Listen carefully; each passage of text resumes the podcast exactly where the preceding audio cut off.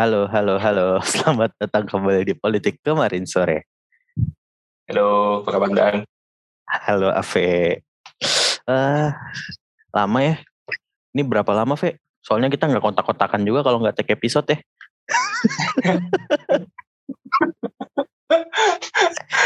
ya, gimana ya? Dua minggu, tiga minggu. Terpisah, terpisah jarak dan waktu gitu loh. Iya. Lo masih di, lo masih di Sumatera kan? Apa udah di Jakarta? Masih di Pekanbaru gue pak. Sholat subuh kita ya beda 30 menit cuy. ya, itu juga kalau gue sholat ya. uh, v, karena minggu lalu, eh bukan minggu lalu, episode yang lalu kita sudah mencoba menjadi apa yang bukan kita, V. Mari episode hmm. ini kita kembali menyuguhkan jati diri kita, V. hmm, okay. Yaitu membahas bahasan-bahasan yang besar tapi kosong. seperti seperti nama podcast ini. Jadi teman-teman yang pengen kita ngomongin di episode kali ini itu utamanya adalah soal artikel dari The Economist judulnya itu After Afghanistan Where Next for Global Jihad. Uh, hmm. Artikelnya isinya kurang lebih uh, soal angle setelah Taliban take over Afghanistan, kira-kira apa artinya buat negara-negara yang nasibnya serupa. Tapi sebelum kita ke sana, uh, kita harus menyajikan hal-hal kecil tapi cukup esensial yang beredar di timeline kita seminggu ke belakang ini, Ve. Mm-hmm. Mari kita mulai dari uh, KPK yang menginisiasi sebutan penyintas korupsi untuk pengganti kata koruptor. Wah. Gimana, Ve? Menurut Anda, Ve? Bukankah ini sangat sangat sangat memancing senyum dari kita?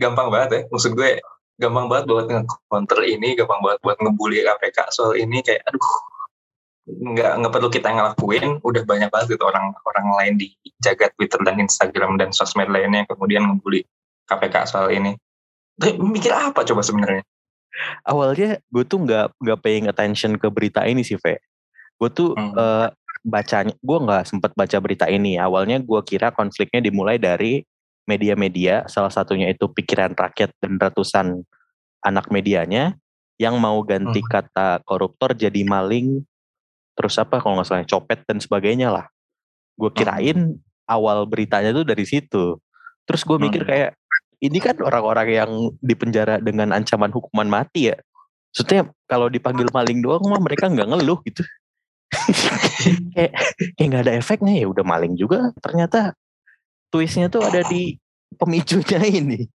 ya offended mereka offended Iya.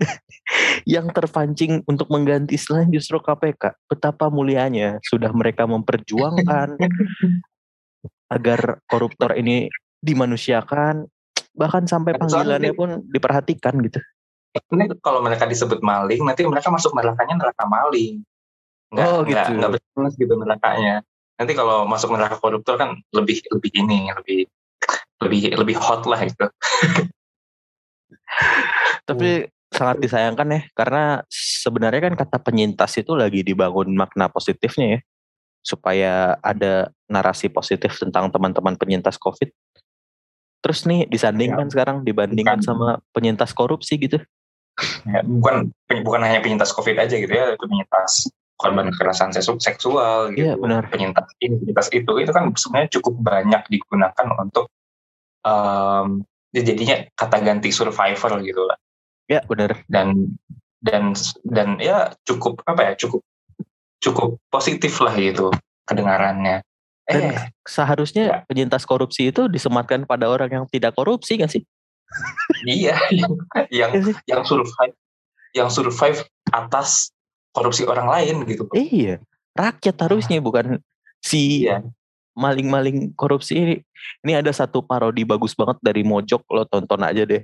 Dia dialog sama ikan Mas Agus. Terus ikan itu di negaranya kalau korupsi dipanggil bangsat. Bagus banget itu parodinya go watch hmm. Mojok teman-teman kita hmm. masuk ke berita lain aja karena banyak banget minggu ini padat sekali uh, mulai dari hmm. PSI yang tidak henti-hentinya Kayaknya rencana kerja mereka setahun ke depan adalah meributkan pengembalian dana Formula E ya, Fe. Hmm. Gitu. Terus bisa juga nggak bisa dikembalikan.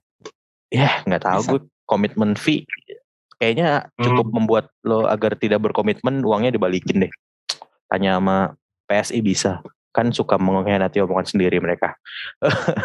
Selanjutnya yang belakangan lagi rame juga uh, itu ada penegakan penangkapan narkoba yang kali ini uh, objek yang menurut kita mendapat sorotan berlebihan adalah Coki Pardede.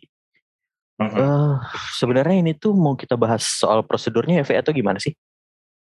Ya sebenarnya um, pertama-tama memang ini memang uh, banyak yang bahas ini dari sudut pandang hukumnya memang ini memang sudah agak-agak problematik dari landasan hukumnya undang-undang narko, narkotika itu kan memang tidak membedakan bisa dibilang gini tidak dalam dalam proses penegakan hukumnya penangkapannya tidak membedakan antara bandar dengan um, pengguna dalam proses penegakan hukumnya dalam proses penangkapannya.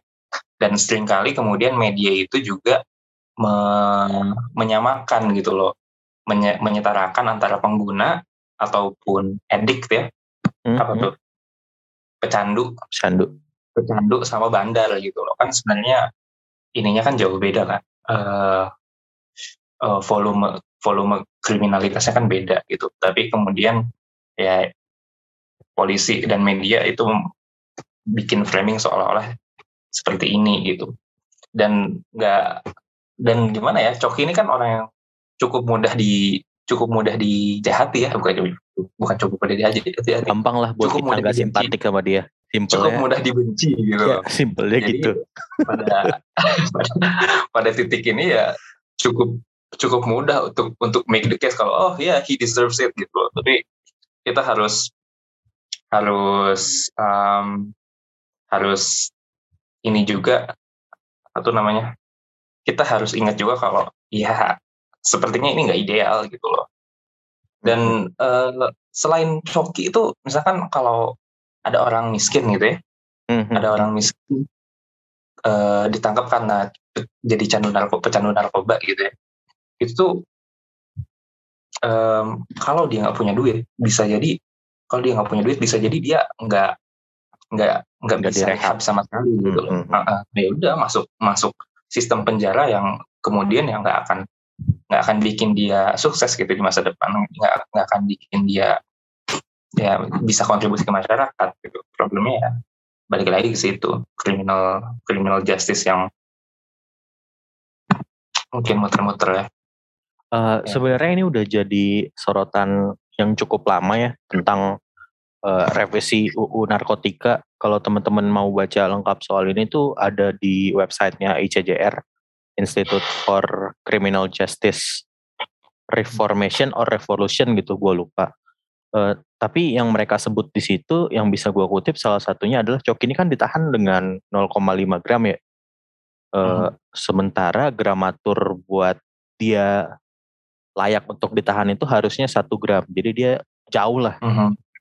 terus uh, yang banyak diomongin juga kan sama orang-orang ini mungkin karena sosok cokinya juga ya tapi banyak yang ngebandingin di media sosial kayak adik ipar gue aja setengah gram di penjara kok empat tahun ada yang dua tahun. Harusnya kan angle kita jadinya ya bener kayak omongan lo tadi gitu. Kalau harusnya jangan si karena kesalahan di masa lalu terus jadi kita bolehkan lagi kesalahannya terulang gitu tapi ya dibalikin ke jalur yang bener dong walaupun kesannya kayak jadi cherry picking ya ya kalau dibiarkan akan semakin cherry picking karena aturannya sejauh ini memang memungkinkan buat yang kaya direhab, yang tidak kaya ditahan gitu. Dan Jadi ini tuh ladang duit doang. Dan itu PR PR banget apa ya. PR PR campaign yang bagus banget buat polisi gitu. Ini benar-benar kesempatan untuk menunjukkan oh polisi kerja loh gitu. lo lo nggak akan dengar kalau yang diambil pecandu narkoba uh, ya orang-orang biasa gitu. Tapi kalau artis, uh, pasti PR-nya PR-nya ini banget viral Dan- banget dan segala macamnya. Dan, Dan lo ini nggak- sampai ngalahin dan ini sampai ngalahin eh, gaungnya eh, gaungnya kasus-kasus yang lebih serius kayak yang di punya apa pelecehan di KPI itu. ya bener. Oh iya itu another topic to talk about ya, Fe. Iya itu Tapi nggak bisa kita singgung di episode ini sih. terlalu sensitif itu. Bukan terlalu sensitif, gue juga nggak baca, nggak ngerti. Takut eh udah nggak lucu menyinggung kayak Coki malah gue ntar. Iya iya iya. Tapi yang bisa di highlight lagi soal ini adalah maksudnya ya kayak lo bilang tadi kasus-kasus yang serius tuh malah jadi kayak diabaikan. Misalnya peredaran dari lapas itu kan jadi concern yang utama kan. Karena Betul. di catatan di CJR juga gue ngutip CJR karena gue nggak berani ya di catatan di CJR juga eh maksudnya angkanya gede banget sebagian besar transaksi itu transaksi internasional itu berasal dari dalam lapas dan Oh. kalau dibandingkan persentase isi penjara itu 30% ternyata itu pengguna dan pecandu yang mana kalau diagregatin akibatnya efeknya terhadap kondisi lapas itu cuma akan memperburuk kondisi lapas. Eh, lengkapnya mungkin teman-teman bisa dirujuk kembali ke websitenya ICJR ya. Eh, kita nggak punya itu. by logic aja kalau pecandu dikumpulin di tempat yang sama ya pasti akan ada deal akan ada main belakang gitu loh pasti Iya. Dan hasilnya ya kembali yang kaya dapat, yang miskin meninggal. Eh, Hmm. mari masuk ke topik utama sebelum makin Ya. stres, Pe. Harusnya itu tadi jadi small bites yang menyenangkan ya. Tapi kenapa vibes-nya tetap menyedihkan gitu nih enggak enggak di enggak ada update yang kita. enggak ada yang menyedihkan akhir-akhir ini dari Indonesia menyedihkan terus Gue ada yang lucu banget sih, Ve. Ini tweetnya eh, di replies-nya Twitter gitu. Eh, waspada teman-teman, ini hanya pengalihan isu KPI. Terus ada yang reply lagi. Eh, sepertinya ini cuma kebetulan, Mbak. Karena terlalu banyak isu yang harus dialihkan tiap harinya. Anjing, bagus banget. iya iya iya iya. konspirasi pengalihan isu itu sebenarnya kayak enggak ini karena ya emang emang tiap hari kayak gini enggak sih Tiap- Emang tiap hari fakta apa aja gitu. Jadi kalau lo bilang ada pengalihan ya kebetulan aja. bagus banget itu tweet, bagus. Eh, masuk ke topik utama nih, Ve. Eh, kembali angle gue sama nih, Ve, dari orang yang menolak berminggu-minggu membahas topik ini. Lo tau lah di grup WhatsApp kita, kayak gue males banget ngomongin Taliban karena perdebatan yang di sosmed itu cuma kayak ah orang Muslim kalau giliran Kristen ngebunuh Muslim semuanya ribut. Tapi ini Taliban Muslim ngebunuh Muslim diam aja gitu. Terus ada juga perdebatan ini salah Biden, salah bla bla bla bla bla. Yang Mhm. menurut gue gak menarik dan nggak nggak ada kesimpulan yang konstruktif konstruktif gitu ya sampai akhirnya ada nih newsletter bagus dari The Economist ngangkat judul After Afghanistan, Where Next for Global Jihad. Eh, angle dari artikel ekonomis ini menurut gue menarik sih, Ve. Karena ini tuh soal tentang soal tentang sama aja tolol emang. Soal apa artinya kemenangan Taliban ini buat negara sekitar gitu. Kayak spreading ini bisa jadi kayak pemantik gitu gak sih, Ve? mungkin lebih lebih jauh lebih berpengaruh secara moral dan psychological ya di di eh, di artikel di Economist itu tempat-tempat seperti Suriah, tempat-tempat seperti Irak dan Yaman itu mendengar kemenangan Taliban itu mereka pesta Mhm. gitu. Ada banyak ada banyak tempat di mana secara psychological dan secara moral itu mereka senang Taliban itu menang. Mereka senang dan mereka bisa melihat bahwa oh ada ada tempat di mana jihadis itu menang seperti. Nah, tapi memang em, ke depannya, tapi memang ya namanya politik dunia nggak pernah semudah itu dan nggak pernah sesimpel itu gitu. Jadi menurut gue sih em, yang paling besar dan yang paling kerasa itu hanya dari sisi moral dan eh, moral dan psychological aja. Selain itu memang akan bergantung dengan geopolitik di sekitar tempat-tempat tersebut. Tapi kalau dilihat dari yang kejadian ya, Ve, sebenarnya apa yang mereka butuhkan. Kalau gue ngelihat dari kasus Taliban ini, karena mereka fight-nya juga tidak sepenuhnya on war gitu ya, uh, simpati itu penting justru. Ya nggak sih? Simpati rakyat yang oke okay lah nggak turun langsung jadi relawan ikut hmm. perang juga, tapi diam-diam mendukung itu penting gak sih? Ya makanya um, salah satu yang paling banyak di broadcast di channel news worldwide itu ya, itu spokespersonnya Taliban yang fokusnya adalah gimana caranya bikin Taliban kelihatan moderat, kelihatan akan mm-hmm. kelihatan, kelihatan akan bisa menggovern dan bikin uh, kompromi gitu. Tapi ada banyak alasan untuk meragukan kata-kata Taliban itu sih sebenarnya menurut gue. Iya, iya. Tapi ya gue nggak belum securiga itu sih. Gue udah curiga kalau di tahap si jubirnya Taliban ini bikin konten sama cucunya gitu, Fe main, di istana negara. Ya. Mau mencurigakan propaganda beneran ya. Itu propaganda beneran. Tapi emang kalau ngelihat dari situasi sekitarnya ini bisa turning up jadi revolusi jihad global gitu Fe? Balik lagi harus dilihat uh, situasi geopolitiknya ya. Apalagi sebenarnya dari sisi Taliban sendiri kita dari sisi Afghanistan sendiri Kabul sudah jatuh hmm Ketika Kabul, ketika Kabul belum jatuh gitu ya, bandaranya belum jatuh gitu, um, ada dua suicide bomber dari hmm. ISIS. Ada dua, dua suicide bomber dari ISIS.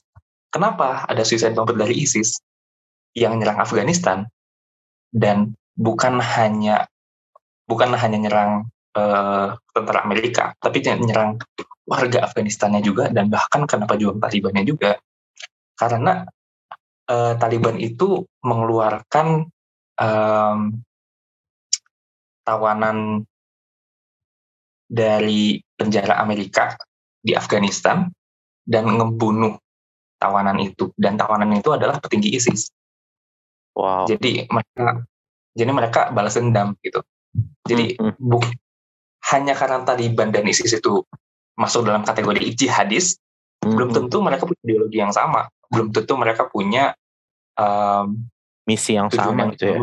Belum tentu mereka punya imam ataupun punya interpretasi Al-Quran yang sama seperti itu. Jadi hmm. memang um, cukup menarik melihat ke depannya akan seperti apa. Yang jelas tidak akan tidak akan monolit gitu. Yeah. Tidak akan monoton jihadis itu akan sama seperti Taliban semua idenya ataupun sama seperti Taliban semua tujuannya karena kita lihat aja sekarang Taliban itu mungkin agak agak-agak kesulitan juga untuk govern Afghanistan ini gitu. Ya, ya. Uh, Mumpung lo udah nyinggung poin itu ya, Fe ya. Gue jadi kayak berkesimpulan kan kasusnya selama ini gitu ya. Uh, jihadis ngambil alih suatu negara, negaranya nggak jalan lama, tiga tahun kolaps lah sistem ekonominya yeah. karena governance-nya emang kurang gitu. Berarti kayaknya tugas kita itu adalah hold on selama mungkin ya. Sampai contoh buruknya, bukan contoh buruk. Wah jahat banget nih gue nggak bisa diundang seminar HTI ini gue. Uh, tapi ya apa ya, sih? Ya gue, gue ngerti maksud lo. Uh, ya, jadi ya. kita kita benar-benar let let them fuck themselves gitu loh. Let them fuck up gitu. kita kita kita liatin aja nih, liatin aja nih Taliban nih bisa nggak nih gitu gitu kan sebenarnya. But what if Karena, they succeed? wow. berarti kita berarti kita harus siap-siap lebih dari itu. Nah, problemnya adalah untuk Taliban succeed itu mereka harus bikin kompromi dengan uh, politikus-politikus yang sudah ada di Afghanistan. Hmm. Dan di Afghanistan itu kan kekuatan politiknya itu ada di warlord ya.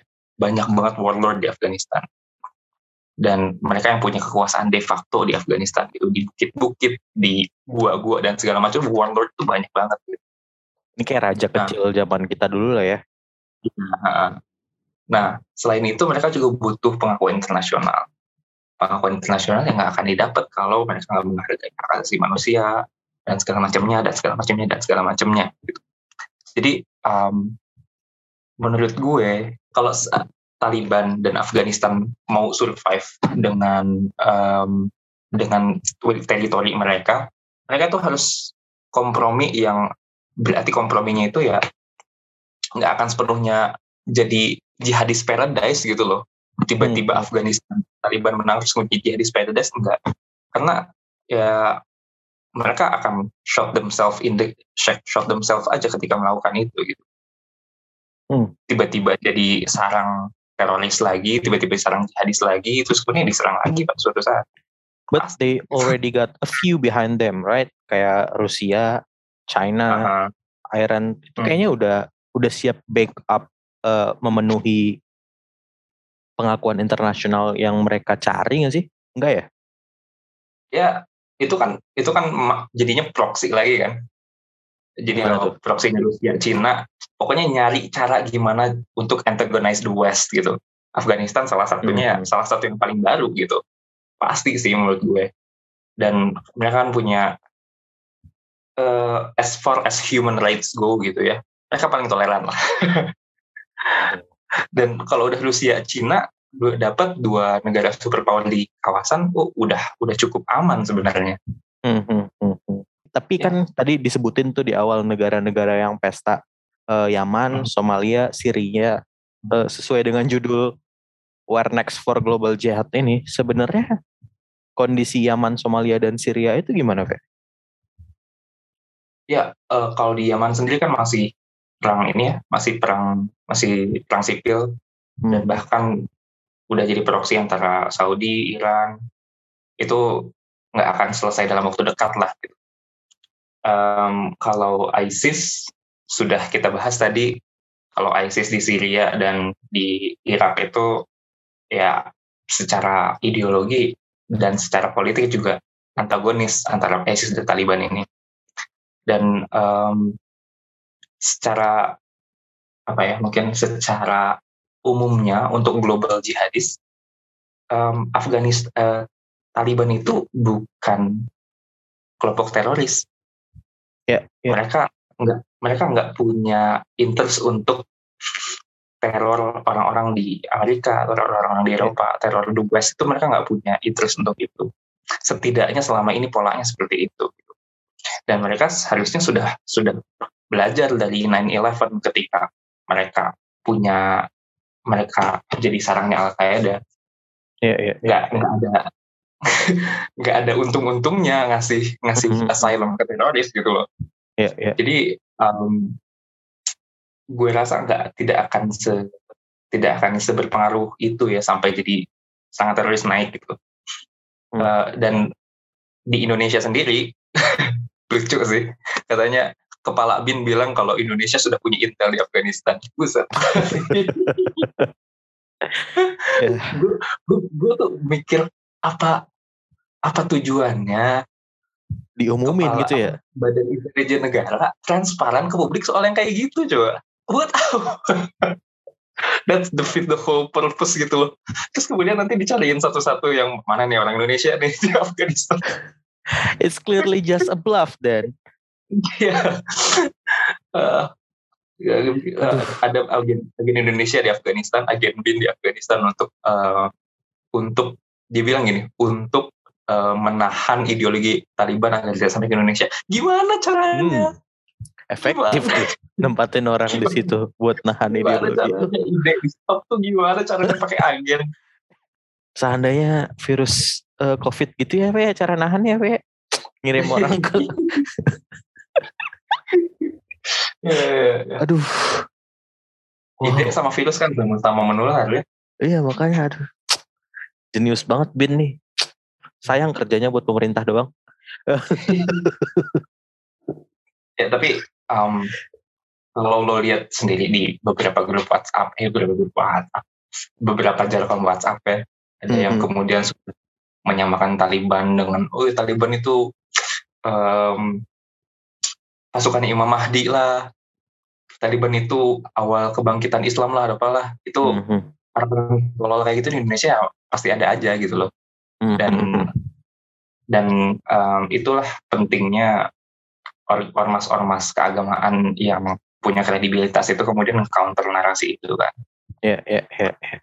Dan itu gue sih ngerasa itu tolol banget yang kemudian bikin narasi bahwa Taliban ini ini yang Mahdi gitu apalah gitu Mhm. karena Karena kita tahu itu Salafi ya, Fe ya.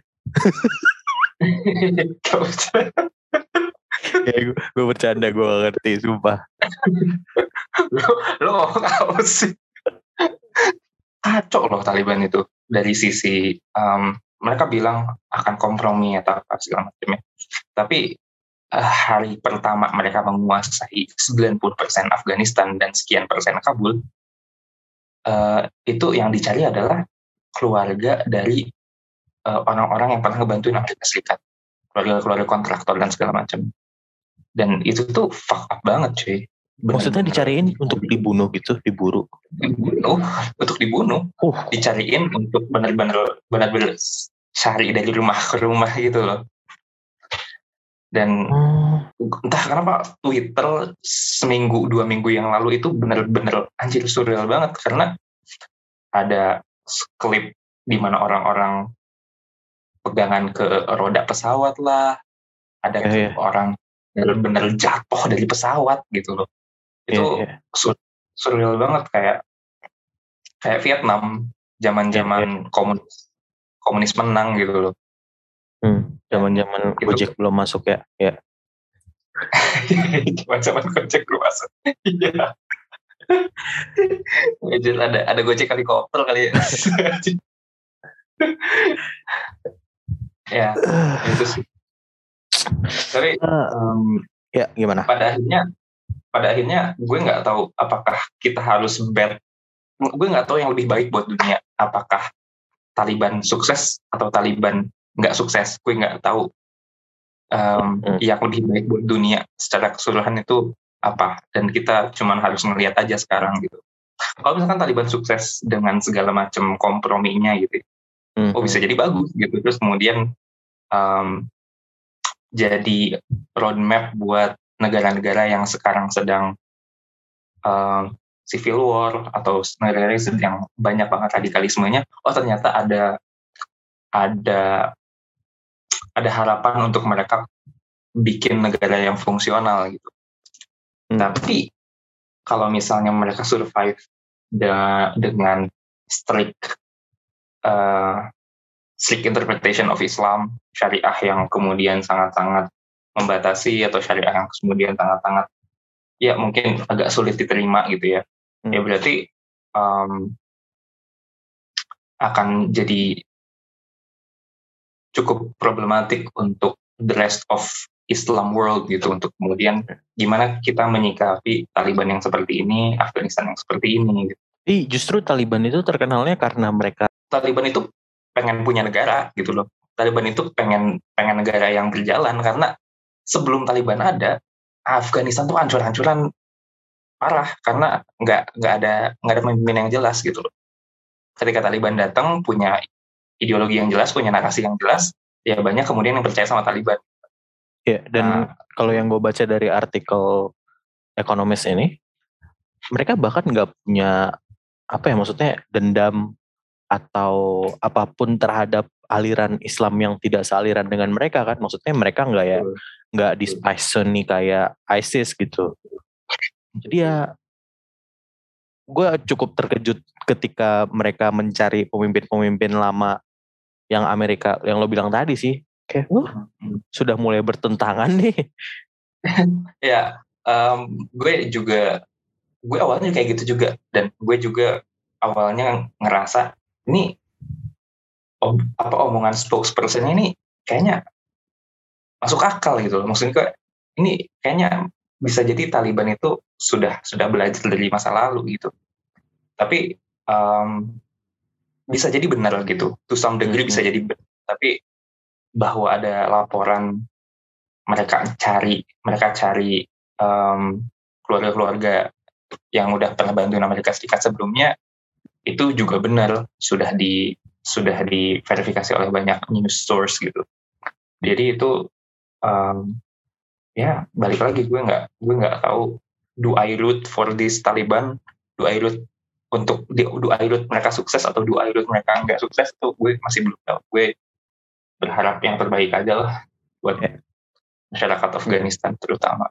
Dan satu hal yang menurut gue jadi apa ya mungkin beacon of hope gitu ya karena Afghanistan itu sebenarnya dalam sisi etnisitas mirip-mirip Indonesia karena kayak ada sekitar kalau Indonesia kan 40 persen 50 persen orang Jawa gitu ya.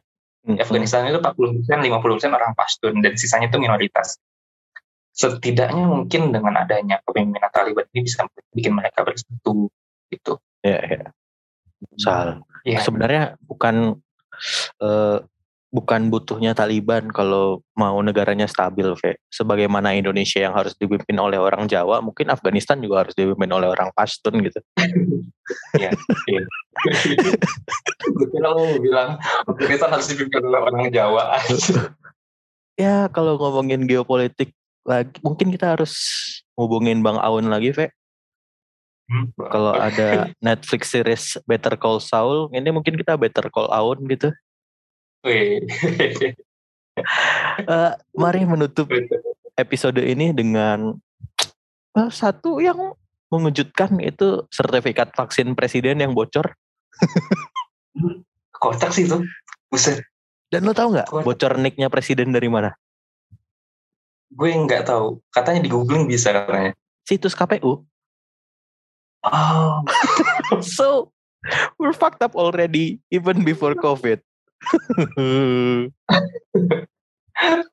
not even. Not Jadi, even presiden bisa not even presiden bisa ini ya bisa mengelak dari jeratan pinjol. Maksudnya ini kan Kemenkes sudah ngeluarin statement ya data pejabat mau dikonsil. Tapi kalau mereka nggak bisa konsil website KPU yang udah belasan tahun ya apa yang mereka bisa lakukan gitu? Gue sih mikirnya gue sih mikirnya ya udahlah ya biarin aja. Justru bagus kalau kita bisa ngelihat public records mereka gitu. Justru yang warga-warga negara biasa ini yang harusnya dikonsil harusnya dikonsil ya benar kan uh, lo kalau lo pejabat publik lo harus kita boleh tahu lo sehat apa enggak. Kita boleh tahu lo itu lo itu anti vaksin apa enggak. Kita boleh tahu lo tuh gimana lah gitu. Ya semuanya kita boleh tahu karena dia udah pejabat publik menurut gue sih gitu. Ya, ya, ya. Bagus harus sih. Bagus ya gue gue ya. ngeliat tweet itu di uh, di quote tweet sama kayak itu hmm. terus kemudian di dihapus dong. Dihapus sama Twitter. Tweet soal NIK itu. Tweet tweet yang ada fotonya. Lucu banget sih itu data bocor bocornya dari situs pemerintah juga. Kayak double suicide. Ah ya you know lah tapi kan harusnya presiden gak usah daftar aplikasi peduli lindungi ya, Fe, kalau gue pikir-pikir. iya juga sih. Apain? itu tuh bukannya otomatis ya? Apa enggak? Gue belum pernah ke peduli lindungi soalnya. Yang ini gue gue dapet gue dapet langsung dari puskesmas aja gitu. Iya puskesmas lo yang isi. Nah iya, dalam hal ini itu fasilitas kesehatannya presiden ngapain ngisi di website peduli lindungi? Kan yang tolong mereka. Lead, lead by example cuy. Maksudnya kalau butuh uh, tes user gitu ya masukin aja namanya tes NIK-nya tes nomor NIK gitu gak usah nama Jokowi lo jadiin tes. Coba uh, udahlah. Udah, udah. Itu aja teman-teman episode minggu kali ini uh, itu aja teman-teman kalau lagi rada rajin dan kosong, tolonglah di post-post ke Instastory kalau PKS udah tayang kembali. Karena sepertinya kita mulai membutuhkan bantuan publikasi, Fe, agar hmm. tidak terlalu malu-maluin. Hmm. Ya. Sampai jumpa di episode selanjutnya. Terima kasih.